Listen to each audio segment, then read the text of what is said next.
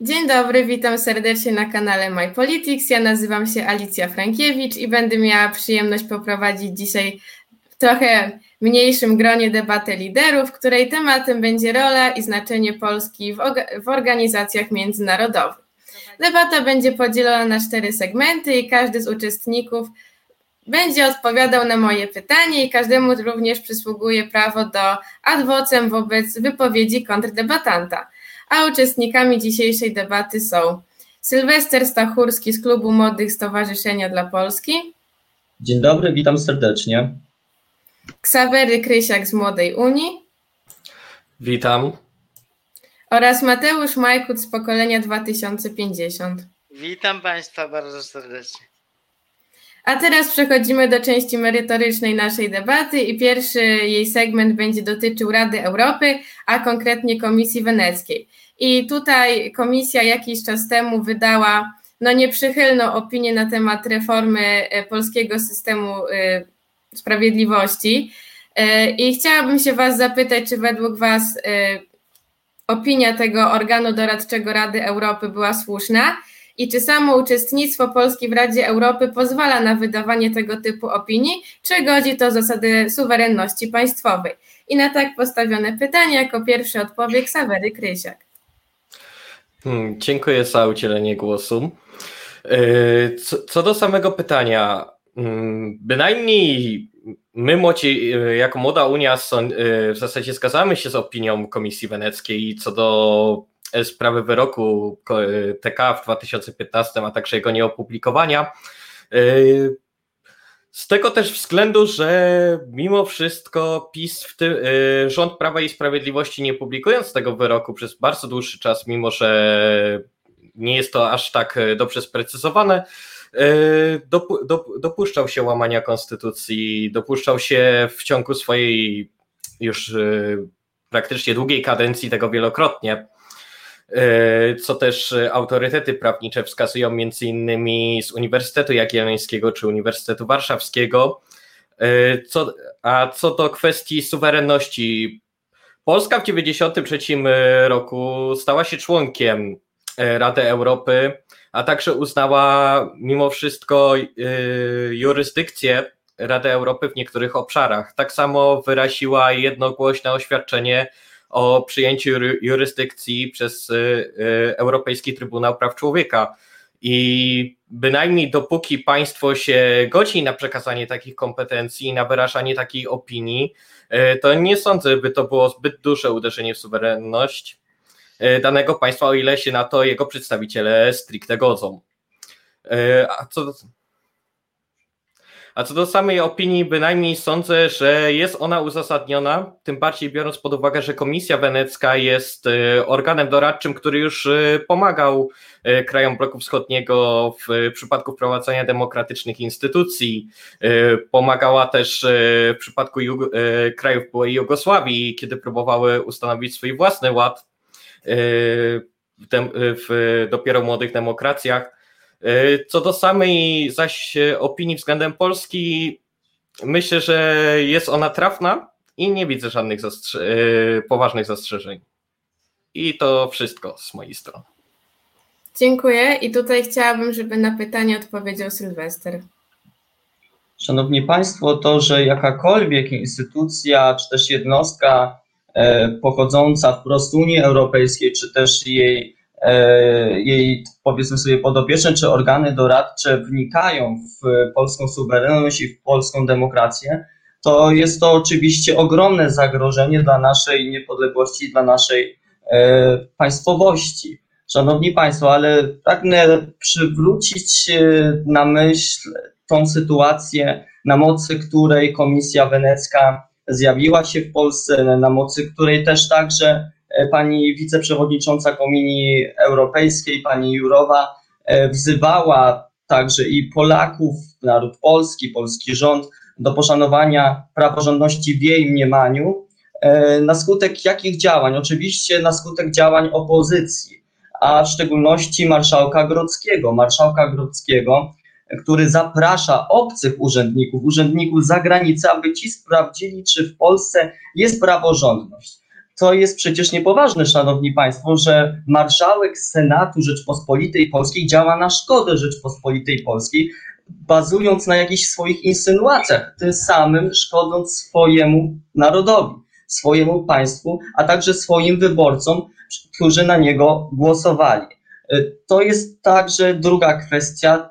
Ta druga kwestia to jest ta zachowana logika podwójnych standardów Unii Europejskiej i jej zaprzyjaźnionych organów.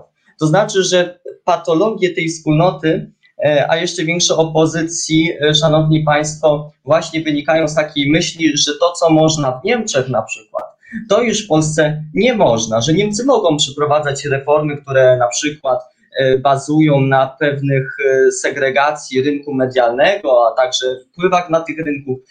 Nie ma nikt przecież z tych komisji problemu co do Francji, Niemiec czy Czech, że oni wprowadzają zmiany w swoim ustawodawstwie. Do Polski jednak mają jakiś problem, a ten problem wynika właśnie z ich wpływów, ich interesów i po prostu ich korzyści, które mieli przez lata w Polsce, a które obecnie się po prostu kończą.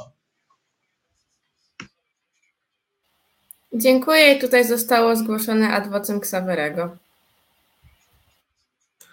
E, dziękuję za udzielenie głosu. Bynajmniej nazwanie Rady Europy organem stricte zaprzyjaźnionym z Unią Europejską e, raczej bym uznał za lekkie nadużycie. E, to wracając do samej kwestii, abstrahując już stricte od zmian w ustawodawstwie, to y, stricte łamanie ustawy zasadniczej trudno nazwać wprowadzaniem mm, nowego ustawodawstwa, biorąc pod uwagę, że ten tryb y, w Konstytucji zaznaczony jest. Wymaga on między innymi y, w większości poselskiej bezwzględnej przy połowie zasiadających posłów, żeby można uchwalić tę zmianę. E, więc trochę trudno mówić, że to są zwykłe, elastyczne zmiany w ustawodawstwie, gdy one naruszają konstytucję, co też e, poruszały i autorytety prawnicze, a także opinia publiczna wraz z posłami.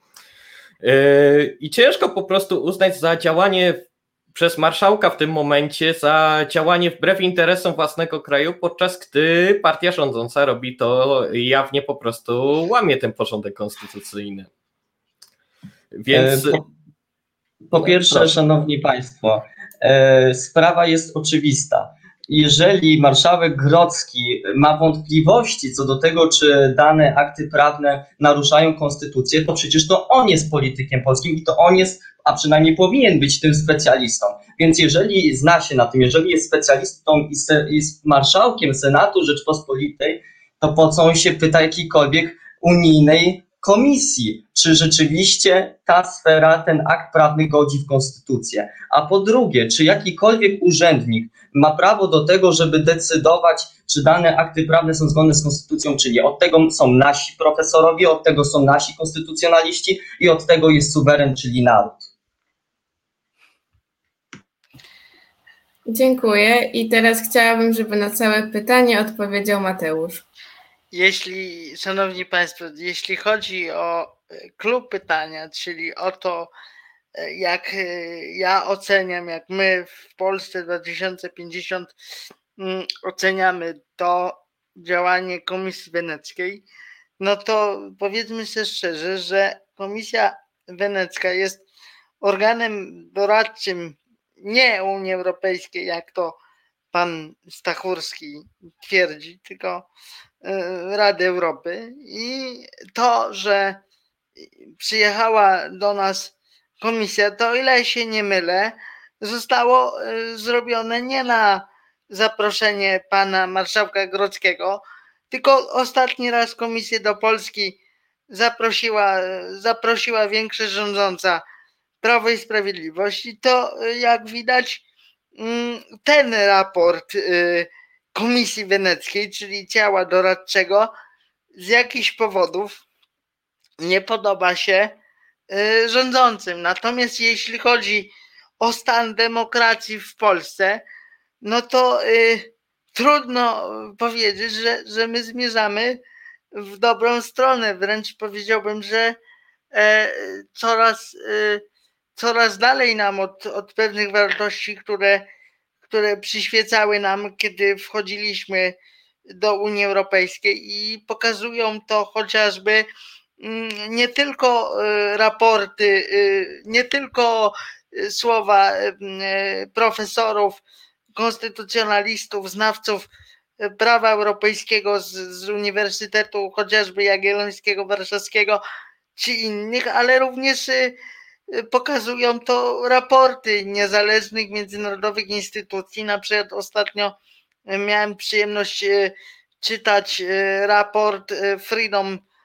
organizacji Freedom House, która po raz kolejny sytuuje nas już nie jako państwo pewnej demokracji, tylko jako, jako tak zwany fluent democratic state, czyli, czyli mamy płynną demokrację, tak, nie do końca ugruntowaną. No i, no i te sześć lat rządów Prawa i Sprawiedliwości ocenić e, moim zdaniem należy jednoznacznie negatywnie, jeśli o praworządność chodzi. No niestety takie, takie czasy nastały i mam nadzieję, że niedługo się to zmieni. Dziękuję. I teraz chciałabym, żebyśmy przeszli do następnego segmentu naszej debaty, a będzie on dotyczył Unii Europejskiej. I chciałabym się Was zapytać, czy państwa członkowskie Unii Europejskiej powinny dążyć do federalizacji e, całego tego, całej tej organizacji, a może powinny pójść dokładnie przeciwną drogą, czyli te relacje powinny zostać jakoś rozluźnione. I też chciałabym się Was zapytać, czy ogólnie w Unii Europejskiej dba się o interes Polski, a może jest on w pewien sposób lekceważony na przykład kosztem interesu Francji czy Niemiec. I na tak postawione pytanie jako pierwszy odpowie Mateusz. Yy, dziękuję. Moim, szanowni Państwo, dzisiaj trudno jest dokładnie, powie, dokładnie powiedzieć, jak powinna wyglądać Europa, dokładnie co do Joty, z tego względu, że relacje międzynarodowe to jest rzecz dynamiczna, natomiast jedno jest pewne. Nam jako młodym szanującym demokrację obywatelom Rzeczypospolitej Polskiej zależy przede wszystkim na dwóch rzeczach. Przede wszystkim zależy nam na tym, żeby forma współpracy między państwami, niezależnie od tego, jaka będzie i jaka, jak, jak się skończą pewne, pewne, pewne ruchy w Unii Europejskiej, które są widoczne, to ta nowa platforma współpracy powinna przede wszystkim skupiać się na tym, co jest i co było celem Unii Europejskiej samym w sobie. Na początku, kiedy ona powstawała, czyli, czyli zapewnienie bezpieczeństwa, jak, jakby Unia powstawała e, w związku z tym, żeby mm, chronić nas przed kolejnymi wojnami i warto to wiedzieć. Natomiast ważnym jest też to, żeby ten dialog europejski odbywał się na partnerskich zasadach i na tym nam przede wszystkim zależy, ale tak jak mówię, co do, co do szczegółów, no trudno tutaj zgadywać, co będzie, bo relacje są naprawdę dynamiczne. Natomiast wydaje mi się, że naszym interesem jest to, żeby być jednak zintegrowanym z Unią Europejską przynajmniej na tyle, na ile to dzisiaj jest, ponieważ jesteśmy mimo wszystko ważnym członkiem Unii Europejskiej i warto, żeby tak pozostało. Dziękuję, a teraz chciałabym, żeby na pytanie odpowiedział Ksawery. E, co do samego pytania, e, Samo mówienie o federalizacji europejskiej jest e, dość sporym argumentem wśród zarówno euroentuzjastów, jak i eurosceptyków, do którego muszę się bynajmniej muszę się odnieść po prostu krytycznie. Patrząc na jakim etapie jest obecna integracja europejska, a także na konflikty między członkami tutaj Unii Europejskiej, która, jak przypomnę, jest organizacją międzynarodową działającą na podstawie umów międzynarodowych, Yy, szczerze nie widzę tego, aby taka federalizacja się udała. Jak na razie mamy konflikty na przykład na nasze, tutaj z naszego podwórka między innymi z Czechami, gdzie po prostu jedna strona może ignorować drugą, aż ta nie wniesie powództwa. Kończy się to też absurdalnymi żądaniami. Czy po prostu konflikt w formacie 16 plus 1, z którego też Litwa wystąpiła, biorąc pod uwagę to, że zauważyła, że rozbija to jedność całej Unii E, czy konflikt o, w zasadzie konflikt, problemy z reatyfikacją umowy inwestycyjnej z Chinami, która, przypominam, przypchnęła za prezydencji Niemiec e, została przepchnięta. E, obecnie zarówno Komisja Europejska, jak i Parlament Europejski zatrzymały możliwość jej ratyfikacji, co wskazuje, że mimo wszystko w samej Unii nie ma woli, żeby ta umowa była podpisana. W tym samym czasie zarówno Węgry, jak i Polska, co należy podkreślić, e, odbywają dyplomatyczne wizyty w Chinach, gdzie zapewniają o ciepłych stosunkach z Unią Europejską, e, gdzie na przykład przy występowaniu z formatu 16 plus 1 Litwa podkreślała to wielokrotnie, e, żebyśmy występowali jako cała wspólnota. E, więc niestety ze względu na te konflikty, biorąc po prostu pod uwagę całokształt tych okoliczności, wątpię, żeby taka idea się udała, a obecny etap integracji europejskiej powinien wrócić raczej do jej korzeni, bardziej pierwotnych, jak podkreślanie swobód, e, towarów, przepływu usług i pracowników, zaś ten dyskurs w naszym mniemaniu ogólnie młodej Unii idzie trochę zbyt daleko. I przytoczę też stanowisko profesora, e, profesora Barcza, z którym bynaj, e, bardzo się zgadzam e, w tym względzie, że generalnie Unia nie ma cech, cechy pozwalającej na bycie państwem federacyjnym. Jak wspomniałem, jest organizacją międzynarodową. Nie powstała ona z woli ludu, z konstytucji, tylko z woli państw członkowskich a to, że ona nabywa mm, parę cech, parę stosuje mechanizmów, które są widziane w federacjach, nie znaczy, że ona się w nią przekształci. Byłby to niezwykle y, ciężki problem prawny, a także myślę, że wola większości państw członkowskich ze względu na takie konflikty y, raczej uniemożliwi ten proces. Dziękuję. Dziękuję bardzo. A teraz chciałabym, żeby na pytanie odpowiedział Sylwester.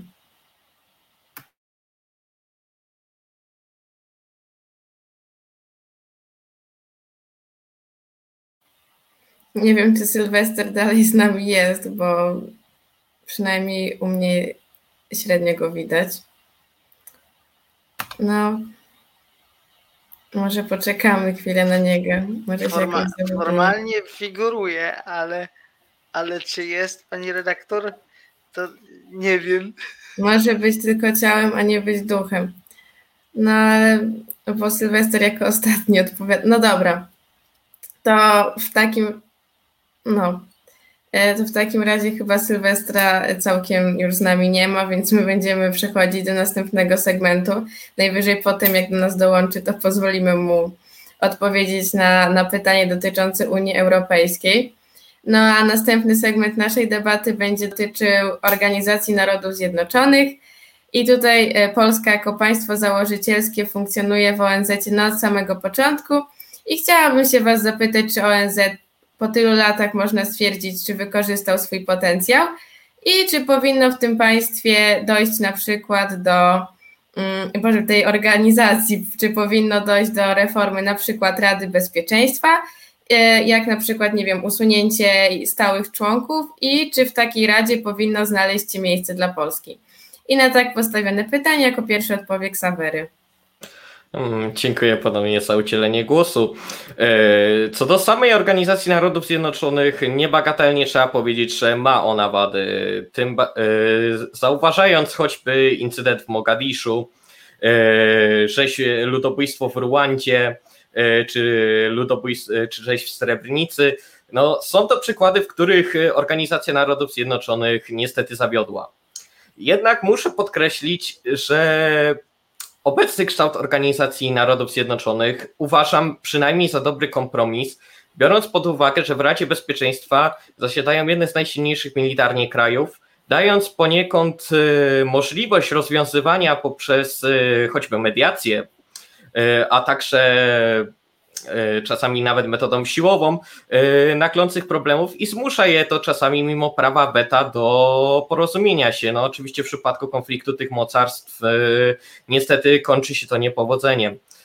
Czy, powinno, czy powinna przejść reforma stałych członków przy przy Radzie do Rady Bezpieczeństwa?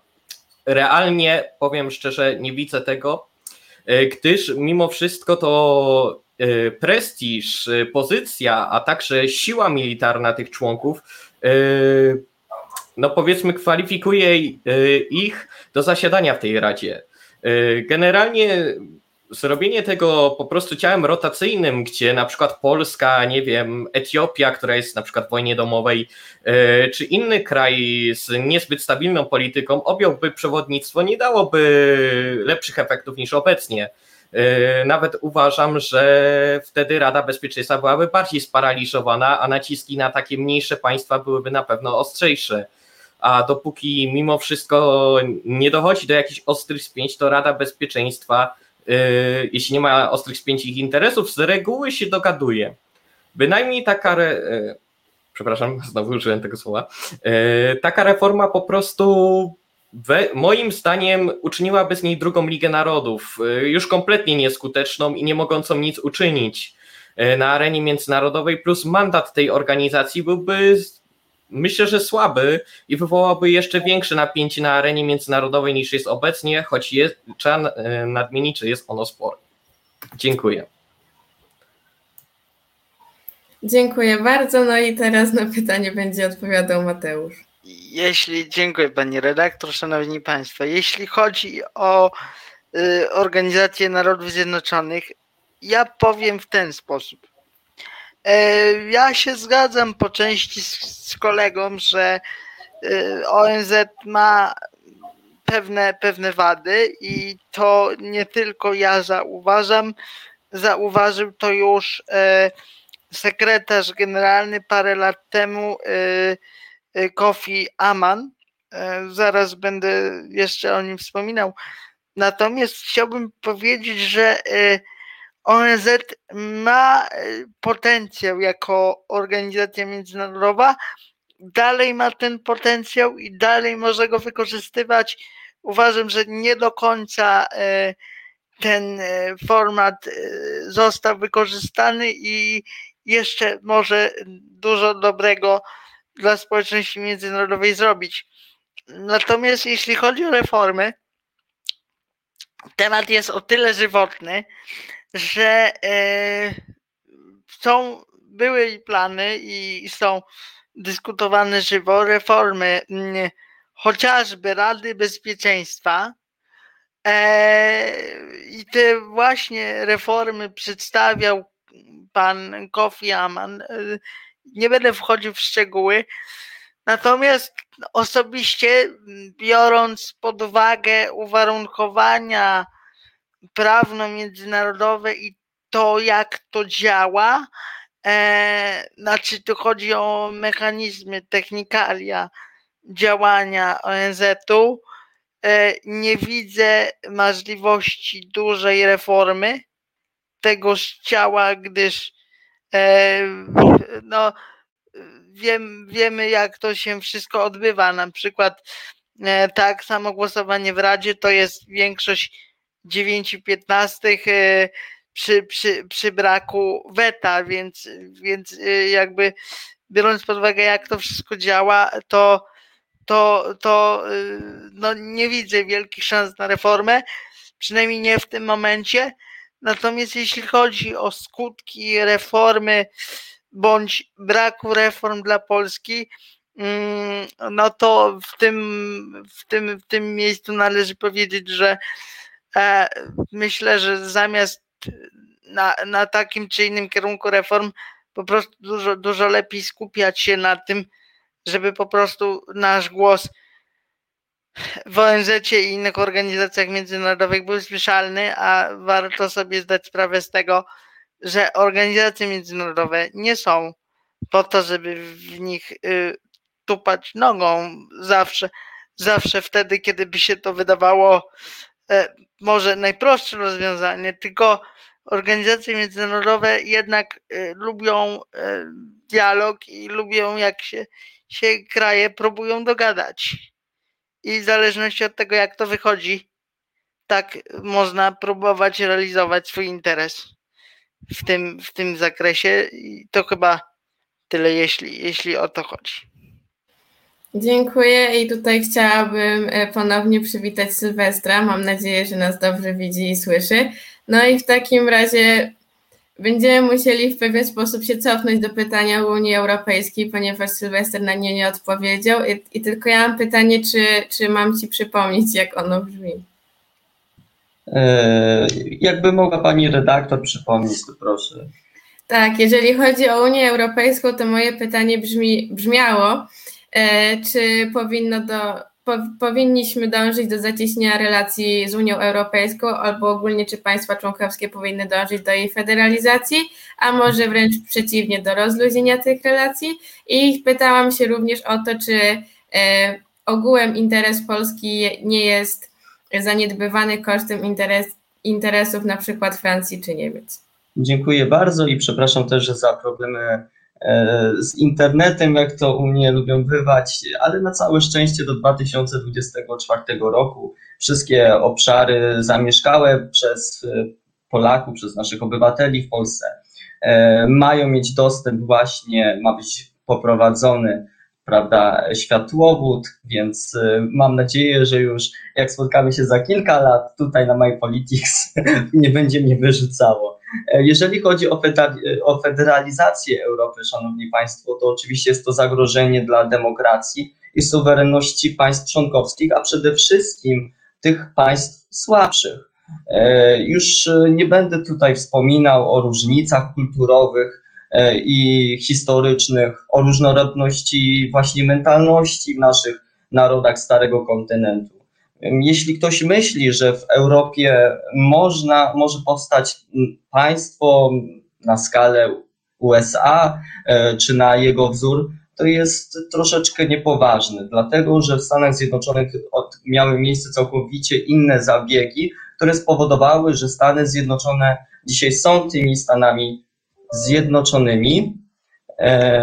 I szanowni Państwo, e, to nie przejdzie. Na pewno w Unii Europejskiej taki scenariusz nie przejdzie, a jeśli by przyszedł, to nie jest to dobra dla nas, dla Polski wiadomość. Unia Europejska powinna zachować swoją pierwotną wersję. Wersję, w której państwa członkowskie współpracują gospodarczo, aby stawiać przeciwwagę e, pewnym silnym grupom państwowym, które mogą zagrażać państwom członkowskim Starego Kontynentu. Ta współpraca gospodarcza ma sens, ale współpraca ściślejsza stanowi poważne zagrożenie. Dziękuję. Dziękuję i tutaj zostało zgłoszone na początku ad vocem Ksawyrego. Dziękuję tutaj za dopuszczenie do głosu. O ile co do samego wywodu nie mam większości zastrzeżeń, to chciałbym przynajmniej zapytać o jedną ważną kwestię. Otóż poruszyłeś, e, co sam wspomniałeś, że federalizacja jest zagrożeniem dla demokracji, przy tym e, później przywołując przykład Stanów Zjednoczonych, które mimo wszystko nie są państwem, które cierpi bynajmniej e, na brak demokratycznych rozwiązań. Chciałbym zapytać, takie moje pierwsze pytanie, po prostu w jakich segmentach e, ta demokracja jest zagrożona, bo o ile co do suwerenności jak najbardziej mogę się zgodzić, bo w pewnym punkcie widzenia to jak najbardziej jest naruszenie suwerenności państw członkowskich, to chciałbym się dowiedzieć, e, co grozi demokracji przy takiej przy federalizacji Unii, biorąc pod uwagę, że raczej większość państw jest demokratyczna i raczej by preferowała tego typu rozwiązania. E, tutaj powstaje szereg pytań e, o to, jakby te państwa członkowskie miały wybierać poszczególne organy do zarządzania całą strukturą państwowości, e, czyli tej wspólnej tkanki państw członkowskich w tej, w tej wspólnocie, a w zasadzie już wielkim państwie obejmujących praktycznie zdecydowaną część, no zdecydowaną część de facto kontynentu. Ale widzimy już dzisiaj, że pewni gracze, którzy schodzą w skład tej wspólnoty europejskiej, przekraczają tak normatywne e, elementy e, i wkraczają w ten sposób już e, rzeczywiście w taką demokrację i suwerenność poprzez na przykład rynek medialny, poprzez, dajmy na to, różne umowy z państwami spoza Unii Europejskiej, które zagrażają pozostałym państwom członkowskim dla ich interesów. Można tutaj podać przykład Nord Stream 2, czy też zachowanie Czech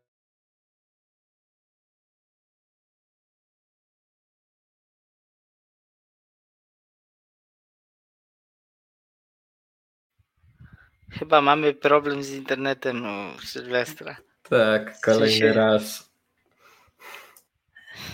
No, ponownie Sylwester jest tylko ciałem, a nie duchem. Kurczę, chciałem, chciałem dobre adwotem, w sensie zastanawia, zastanawia mnie y, jedna rzecz, y, jeśli chodzi o wypowiedź Sylwestra, znaczy czy mnie zastanawia, mnie zastanawia podejście y, obecnie rządzących do samego samego debatowania w Unii Europejskiej, bo tak jak powiedziałem. E, może wiesz, jak najbardziej też chciałbym swoje tutaj ale, zdanie no, poruszyć. No e, właśnie, Mateusz, ale byśmy może poczekali na Sebastiana, bo tak to odpowiadamy praktycznie za nie. O, jest, przepraszam. Państwo jest. dobrze i Mateusz, e, dobrze też Ksawery i pani redaktor, dobrze wszyscy wiemy, że E, gra w Unii Europejskiej to jest gra twarda. Taką samą grę prowadzą Niemcy, taką samą grę prowadzą Włosi, taką samą grę prowadzą Czesi i pozostałe państwa. I tak jak y, powiedział Mateusz, oczywiście polityka zagraniczna nie lubi e, i w ogóle taka wspólnotowa ostrego charakteru, ale ona de facto nim się rządzi. Tam wygrywa ten silniejszy, ten, który ma lepsze karty. A my jako Polacy musimy pokazać, że nie będziemy zakładać marynarek obcym urzędnikom po to, żeby się komuś przypodobać. Przypodobanie to nie jest dobra droga do prowadzenia polityki zagranicznej, jeżeli zależy nam na Polsce i na tym, żeby to Polska wygrywała właśnie te debaty. Dziękuję i teraz Mateusz, masz możliwość powiedzenia tego, co chcesz. No y, dobrze, ja rozumiem Twój punkt widzenia, natomiast jeżeli e, o moje pytanie chodzi, to powiedz mi, e, jak e, widzisz kwestię układania się w, w Unii Europejskiej, czy w ogóle układania z kimkolwiek, bo teraz sytuacja wygląda tak, że ty mówisz, że w Unii Europejskiej, czy w ogóle w polityce międzynarodowej wygrywa ten, kto ma silniejsze karty. Kwestia, kwestia wygląda tak, że węgierski plan odbudowy został oficjalnie przez y, Komisję Europejską zablokowany. E, ustawa z druku 1389 e, jest nierozumiana przez Amerykanów. Mówię o tej słynnej ustawie y, medialnej, która ostatnio wszystkich rozpala. To, to w zasadzie z kim, z kim my mamy, z kim my mamy mieć te karty, bo wychodzi na to, że będziemy mieli je sami za chwilę. I nawet jak, jak usilnie będziecie mówili, że nie zakładamy marynarek, to wyjdzie na to, że jesteście sami, no. I, i z kim wy, i jak wy to dalej widzicie? Czy to klub młodych dla Polski, czy ktokolwiek, czy ktokolwiek z tamtej strony sceny politycznej? Mnie naprawdę to ciekawi i interesuje.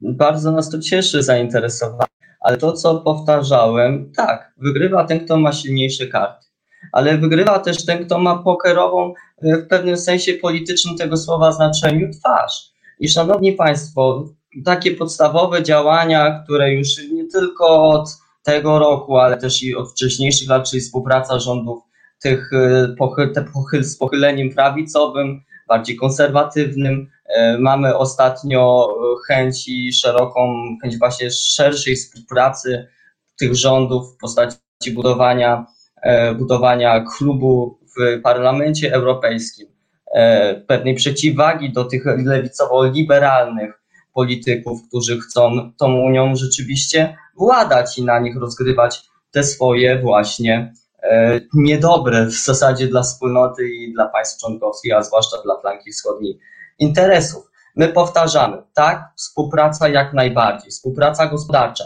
ale nie możemy przecież współpracować z ludźmi, którzy układają się z największym zagrożeniem dla Rzeczypospolitej, jakim jest Rosja. a takim właśnie taką współpracę wyrażają Niemcy, które chcą kończyć budowę Nord Stream 2, które zagraża Polsce, ale także i ościennym z flanki tej właśnie wschodniej państw członkowskich Unii Europejskiej. Więc musimy stawiać pewno jasne karty jeżeli chcecie, a Niemcy mają, powiedzmy sobie szczerze, jeszcze duży wpływ na to, co się dzieje e, także w sektorze, w pewnych sektorach polskiej gospodarki, jeżeli chcecie mieć na to jakiś wpływ, no to traktujmy się po partnersku. Problem jest w tym, że państwa takie jak Niemcy przyzwyczaiły się do tego, że nie muszą grać po partnersku w Polsce. Do tego ich przyzwyczaiły te rządy postkomunistyczne, Polsce, następnie e, rządy no, postkomunistyczne, czyli w zasadzie także te rządy Platformy Obywatelskiej i PSL-u. I oni przyzwyczajeni dalej myślą, że mogą sobie grać z kim chcą, a Polska zawsze będzie ich klepała po plecach. To nie o to chodzi w polityce zagranicznej. Grajmy, bądźmy tymi graczami i na szczęście to na przestrzeni ostatnich lat premierowi Morawi Mateuszowi Morawieckiemu się udaje. Dziękuję i tutaj zostało zgłoszone ponowne adwocem Ksawerego. Ej, dziękuję ponownie. Co do Nord Stream 2, o ile mnie pamięć nie myli, no może nawalać już y, z racji po prostu może pogody. O ile pamiętam negocjacje w sprawie Nord Stream 2, które Niemcy chciały bynajmniej rozpocząć, y, storpedował y, ówczesny rząd Prawa i Sprawiedliwości prezydent Lech Kaczyński, przez co po prostu umowa została podpisana w taki sposób, żeby jak najmniej naruszać nasze wody terytorialne i generalnie pomijać e, nasz akces w negocjacjach, o ile dobrze mnie pamięć nie myli. A co do premiera Morawieckiego, przepraszam, dokończę jeszcze, dopóki pamiętam. E, co do polityki premiera Morawieckiego, o ile w niektórych segmentach się zgodzę, że polityki zagranicznej była skuteczna, to względem na przykład kryzysu białoruskiego, e, przywództwo nad e, opozy powiedzmy opozycją białoruską i także sprawami przejęła Litwa. Więc, y, a w y, dzisiejszych stosunkach w Europie to właśnie Stany zaczęły stawiać y, bardziej na Niemcy, więc nie wiem, czy te sukcesy są takie świetne. Chyba, no chociaż akurat zmiana prezydentury w USA jest sporym zaskoczeniem, więc może to po części usprawiedliwiać. Pierwsza kwestia, kwestia Nord Stream 2 i prezydentury profesora Lecha Kaczyńskiego. Jeżeli widzimy, że projekt który jaki by nie był, e, przez e, jaką część by nie przechodził, jest niekorzystny, zły i fatalny dla sytuacji Rzeczpospolitej Polskiej, nie ma jakiegokolwiek sensu nad nim dyskutować. Trzeba powiedzieć po prostu weto, ani kroku dalej. Jeżeli jesteście rzeczywiście obrońcami demokracji, jeżeli jesteście państwem demokratycznym, który chce zapewnić e, pewien ład, a także stronę przywódczą wspólnocie europejskiej, to nie dyskutujcie i nie rozmawiajcie, nie prowadźcie biznesu z ludźmi, którzy de facto mają w poważaniu demokrację, a de facto jej tam po prostu nie ma. Z takimi ludźmi się nie dyskutuje na czymś innym, no i to jest proste. Nie dyskutuje się z zabójcami, nie dyskutuje się z ludźmi, którzy nie mają dobrych interesów, bo to jakby nie wyglądało, będzie po prostu e, już w całym kształcie złe. I nad tym to, to, to nie jest sprawa do dyskusji, po prostu ani kroku dalej. Kolejna sprawa, sprawa, którą e, Ksawery poruszyłeś, e, to jest e, fakt rzeczywiście, nasze stosunki z Białym Domem były korzystniejsze wtedy, kiedy prezydentem był Donald Trump. Rzeczywiście polityka prezydenta Donalda Trumpa to jest polityka, która miała ograniczać z jednej strony Chiny, z drugiej strony także i właśnie te imperialistyczne zakusy Rosji. I on zauważył już wtedy właśnie ten fakt, że Niemcy brną w kierunku współpracy gospodarczej z Rosją, która właśnie z praworządnością nic wspólnego nie ma. Postawił wtedy na ściślejszą współpracę z takimi państwami jak Polska czy państwa Grupy Wyszehradzkiej. Eee, czy coś jeszcze, Ksawery, poruszyłeś, jakbyś mógł mi przypomnieć, żebym mógł się do tego też odnieść, bo poruszyłeś bardzo kilka ciekawych wątków, za co dziękuję. Eee, przypomnę, bo otóż rozmawia, e, poruszyłeś sukces e, dyplomatyczny tutaj e, rządów premiera Morawieckiego. Tak. Przywołałem kryzys Białorusi, gdzie, mhm. na Białorusi, gdzie rolę, no powiedzmy, protektora, a jednocześnie opo opozycji, przejęła Litwa zamiast o dziwo Polski, która jest jednym z większych krajów, więc chciałbym, żebyś może się ustosunkował do tego. Premier Mateusz Morawiecki jako pierwsza głowa państwa poruszył sprawę Białorusi na tyle poważnie, że wtedy rzeczywiście Unia Europejska zaczęła o tej Białorusi głośno mówić. E, I mam wrażenie, że niestety na tym etapie tylko przystało od strony urzędników unijnych, natomiast premier Mateusz Morawiecki podjął kolejne działania, które, e, a także wywierał e, wpływ na urzędników Unii Europejskiej, na jej komisarzy, którzy następnie pewne działania zaczęli już e, dokonywać, ograniczać loty, etc., etc. Dlaczego natomiast ten ośrodek, powiedzmy sobie, ruchu opozycyjnego przeniósł się od strony tej wewnętrznej na Litwę? Otóż dlatego, że też polityka białoruska, a także ta opozycyjna nie jest wcale taka prosta. Nigdy do końca nie możemy mieć pewności, e, czy, i to jest opinia ekspertów, kto z tych ludzi, którzy są w tej opozycji, rzeczywiście e, opowiada się po stronie tej demokratycznej i tej właściwej. E, Łukaszenko stworzył sobie wachlarz swoich ośrodków, także w tych grupach opozycyjnych, które w pewien sposób rozpatrują ich ośrodkach i prowadzą różne poczynania. Naprawdę współpraca ta opozycyjna także i na Białorusi jest ciężka i to pokazały także ta fala strajków, która była, była, była, potem już się spłaszczyła. Te pewne grupy opozycyjne w pewien sposób zaczęły znikać, gdzieś się rozchodzić, przenikać. E, sprawa bardzo ciężka i to nie jest sprawa zero-jedynkowa. Dziękuję i tutaj będzie ostatnie i krótkie adwocem Mateusza i na tym chciałabym zakończyć.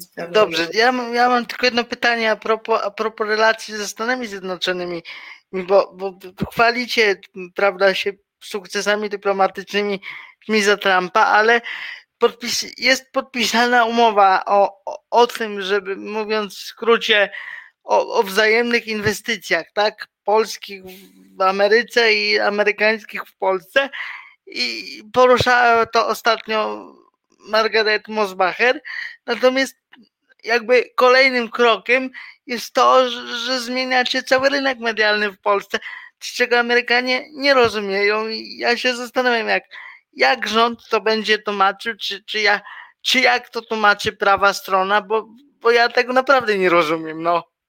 W sensie... E, zadajmy sobie, Mateuszu, takie podstawowe pytanie: czy takie mocarstwo jak Stany Zjednoczone pozwoliłyby na to, żeby ich największą stację, czy to jest telewizja Fox, czy także e, te telewizje z nachyleniem bardziej lewicowo-liberalnym przejmowała, dajmy na to, Polska, grupa należąca e, do rąk polskich, czy też, dajmy na to, niemieckich. Taka, że, taka rzecz by była niemożliwa w Stanach Zjednoczonych. I ja już tutaj nie mówię o kwestiach materialnych, takich, tylko mówię o kwestiach czysto po prostu politycznych. To by było niemożliwe.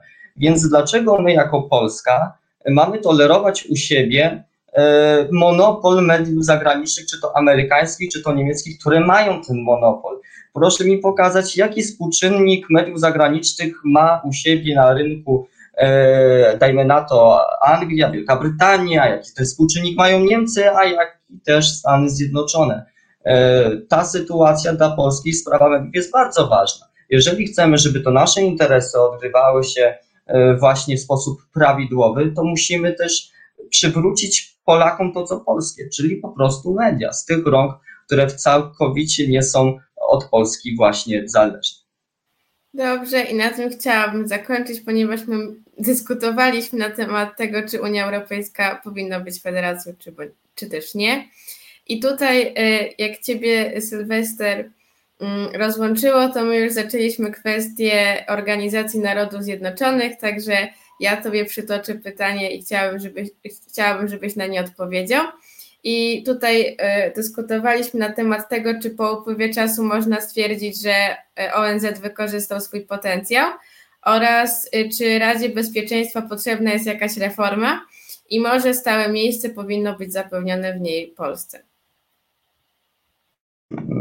Dziękuję bardzo za to przypomnienie i powiem tak. ONZ, Organizacja Narodów Zjednoczonych, e, rzeczywiście pewnej dużej części zapewniła właśnie ten pokój i bezpieczeństwo międzynarodowe, także zwróciła uwagę rządzących, rządzących na te przestrzeganie praw człowieka. Oczywiście nie wszędzie tam, gdzie ten problem był, ten problem rzeczywiście w większości przypadków nadal pozostał. E, jeżeli chodzi o Polskę w ONZ, to Polska jest dumnym i jednym z najbardziej aktywnych członków. E, kolejna sprawa, właśnie to jest ta sprawa rzeczywiście skuteczności działania ONZ. Tak jak już wspomniałem na samym początku, w dużej części się to udało, jednak pozostały kwestie, z których ONZ nie wywiązał się w sposób prawidłowy. No, na przykład e, można sobie przypomnieć e, sytuację, w której mieszkańcy e, Amazonii, rodowici mieszkańcy Indianie, zostali przegonieni przez mafię, kartele narkotykowe z ich rodowitych, należących de facto do nich ziem. Co wtedy zrobiło ONZ? ONZ wybudowało im 300-400 kilometrów, nawet i 500, czasami nawet i 1000 kilometrów dalej betonowe, nazwijmy to domy, oczywiście z wielkim tutaj wyolbrzymieniem. E, te, te, ten beton przykryli dodatkowo blachą i umieścili tam tych ludzi, żeby ci Indianie mieli mieszkać. To jest chyba zła logika działań. Powinno e, ONZ wprowadzić działanie, które by likwidowało tych, którzy im tą ziemię zabrali, czyli tych, e, te mafie, czyli te grupy kartelowe. A oni jednak podeszli do tego w sposób całkowicie inny, dając ludzi mm, rzeczywiście de facto nie chcę użyć tutaj słowa dzikich, ale po prostu oswojonych ze swoim naturalnym tokiem życia, nie mającym nic wspólnego z życiem cywilizacji tej zachodniej, właśnie, e, właśnie chcieli ich w ten sposób wdrożyć. No to takie trochę niepoważne działanie, takich działań jest więcej nielogicznych i działań nieefektywnych, przynoszących złe korzyści. Jednak na samym jednak podkreślam, Polska jest dumnym członkiem ONZ, ONZ także prowadziło działania, które zabezpieczyło bezpieczeństwo, które zabezpieczyło właśnie ten pokój i przestrzeganie praw człowieka, ale rzeczywiście jest dużo pracy przed tą organizacją e, i miejmy nadzieję, że te kwestie, które w pewien sposób były niedociągnięte, e, się odmienią i po prostu postrzeganie e, pewnej logiki także u tych przywódców ONZ-u się zmieni. Dziękuję i tutaj jest adwocem Ksawerego.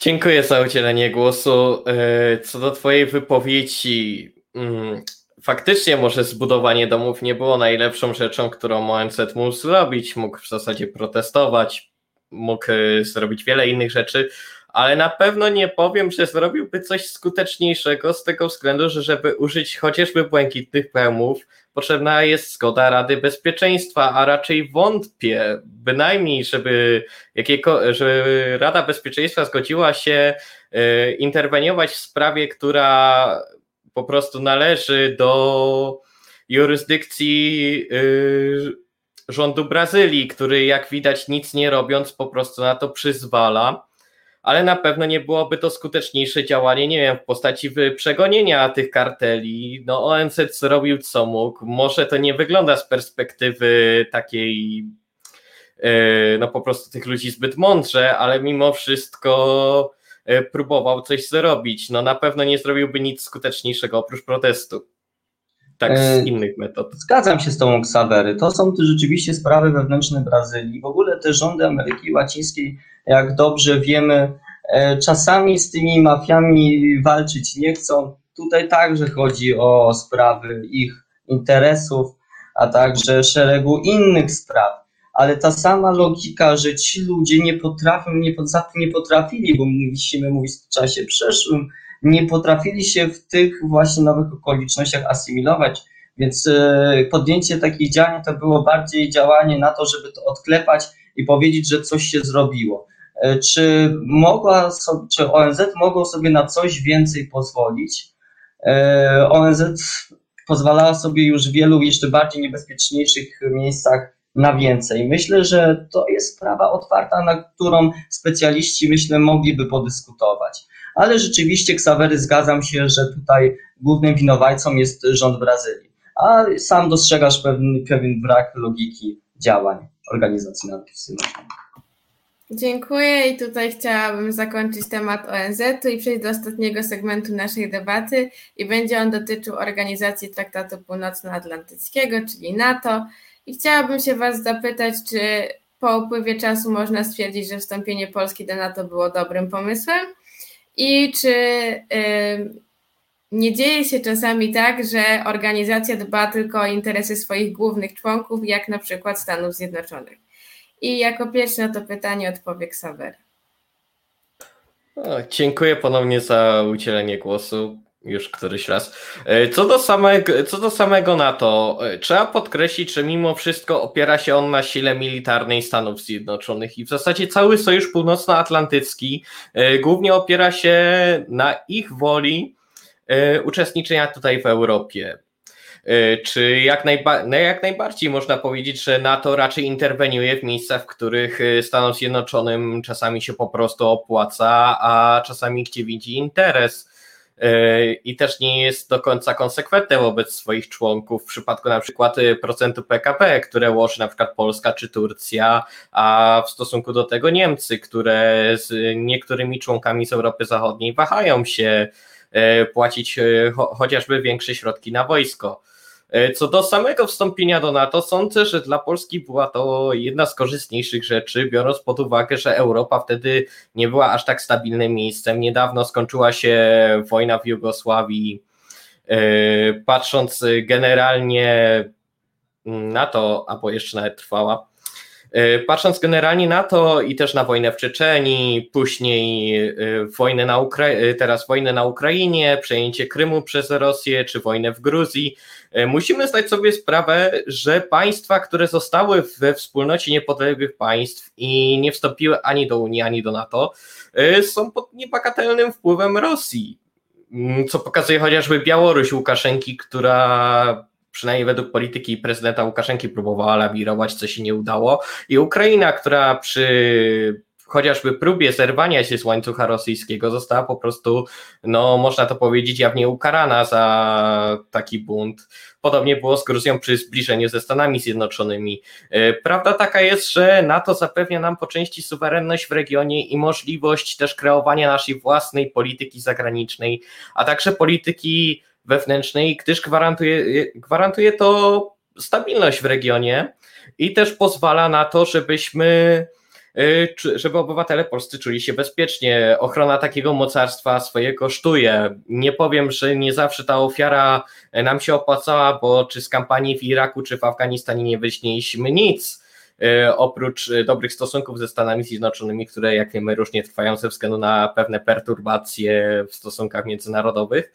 Jednak uważam, że było to dla nas korzystne, jako dla państwa postkomunistycznego, które zaczęło wychodzić na prostą, tak jak i wstąpienie do Unii Europejskiej. Dało nam to pewną stabilizację i umożliwiło inwestycje na przykład zagranicznych przedsiębiorstw, które nie bały się tu inwestować ze względu na ochronę jednego z największych mocarstw. Dziękuję. Dziękuję i teraz chciałabym, żeby na pytanie odpowiedział Sylwester. E, tak jak mówił Ksawery wcześniej, rzeczywiście członkostwo, członkostwo Polski, Rzeczypospolitej Polskiej w NATO e, z dzisiejszego punktu widzenia dało zabezpieczenie naszej suwerenności, a także i nadanie pewnej przeciwwagi co do e, wschodniej naszej granicy, co do Rosji. Więc ten wpływ NATO ma szczególne znaczenie dzisiaj dla bezpieczeństwa narodowego e, Polski. Ale także druga sprawa to jest ten fakt, że Polacy jako polscy żołnierze spisali się bardzo dobrze na bardzo wielu akcjach, gdzie często i oddawali swoje życie za wolność, za pokój w danych regionach. Więc Polska ten egzamin członkostwa w NATO zdała. Natomiast czy NATO zda ten egzamin w stosunku co do Polski, jeszcze nie wiemy. Na razie, tak jak powiedział i mój poprzednik, te rezultaty są i te korzyści są w formie zabezpieczenia naszej wschodniej granicy. Ale co by było, gdyby sytuacja nabrała całkowicie innego wymiaru, wymiaru, którego byśmy nie chcieli dotykać, e, zagrożenia skrajnie, ale to skrajnego zagrożenia naszego bezpieczeństwa wewnętrznego. Tego nie wiem. Mam nadzieję, że nie będziemy musieli się o tym przekonywać, co NATO wtedy zrobi, jak NATO zareaguje i na ile NATO będzie skuteczne. E, ale kwestia współpracy, członkostwa w NATO jest jak najbardziej dla Polski korzystne. Jeżeli chodzi także o Stany Zjednoczone, to tak, Stany Zjednoczone e, jest to najsilniejszy członek tej wspólnoty, tej organizacji. Stany Zjednoczone także wpłacają ogromne sumy, jeśli się nie mylę, to największe sumy do działalności, do działania tej organizacji, zatem ich pewien sposób dominacji w tej jednostce jest jak najbardziej e, normalny, bym powiedział. E, a Polska w tych czasach, kiedy rzeczywiście NATO, e, kiedy Stany Zjednoczone w NATO mają jeszcze większe pole manewru i więcej do powiedzenia, była zawsze na tą chwilę właśnie bezpieczna. Co by było w sytuacji, gdyby trzy kropki, to, to jeszcze nie wiemy. Mam nadzieję, że nie będziemy musieli się E, o tym przekonywać. Dziękuję i oddaję głos Mateuszowi. Jeśli chodzi, dziękuję. Jeśli chodzi o samą NATO, to ja uważam, że e, trzeba to ocenić e, na plus, jeśli chodzi o polską przynależność do paktu. Weźmy chociaż pod uwagę e, chociażby to, że poprzez bądź co bądź dobre relacje ze Stanami Zjednoczonymi do tej pory i, i starania dyplomatyczne. Mamy dzisiaj korpus amerykański w, w Polsce pod przewodnictwem pana e, generała Kolaszewskiego. E, i, trzeba to powiedzieć, że to jest jednoznacznie pozytywne dla Polski, ponieważ nasze e, interesy, przynajmniej, e, przynajmniej na papierze, powiedzmy sobie tak, bo nikt tego w praktyce nie testował, są chronione, co e, podwyższa jednoznacznie moim zdaniem naszą, nasze bezpieczeństwo również w zakresie inwestycji, tak? Kiedy ocenia, kiedy ocenia się możliwość inwestowania w danym kraju. Wydaje mi się, że potencjalni przedsiębiorcy biorą pod uwagę kwestie, kwestie zabezpieczenia nie tylko gospodarczego danego państwa, czyli tak zwane ratingi gospodarcze, ale również y, y, kwestie zabezpieczenia przed ewentualnym atakiem zbrojnym. Natomiast zgadzam się, i to rzadka okazja z moim przedmówcą, że E, lepiej byłoby nie testować, co by było gdyby. I to nie z tego względu, że nie wierzę w, w, w artykuł 5 i, i, i, nie wierzę w to, że, że nasi sojusznicy nam pomogą, tylko po prostu lepiej byłoby lepiej byłoby jednakowo, żeby nikt nas nie chciał atakować, bo wiemy, E, doskonale możemy to obserwować, mm, jak straszne jest widmo wojny i, e, i nikt tego nie chce. No, przykładem jest chociażby Syria. Dziękuję bardzo. Dziękuję. Ja nie widzę chęci zgłaszania adwocem, także chciałabym Wam serdecznie podziękować za udział w naszej debacie liderów w skromnym, ale myślę, że ciekawym gronie. No i mam nadzieję, że do zobaczenia jeszcze na kanale My Politics.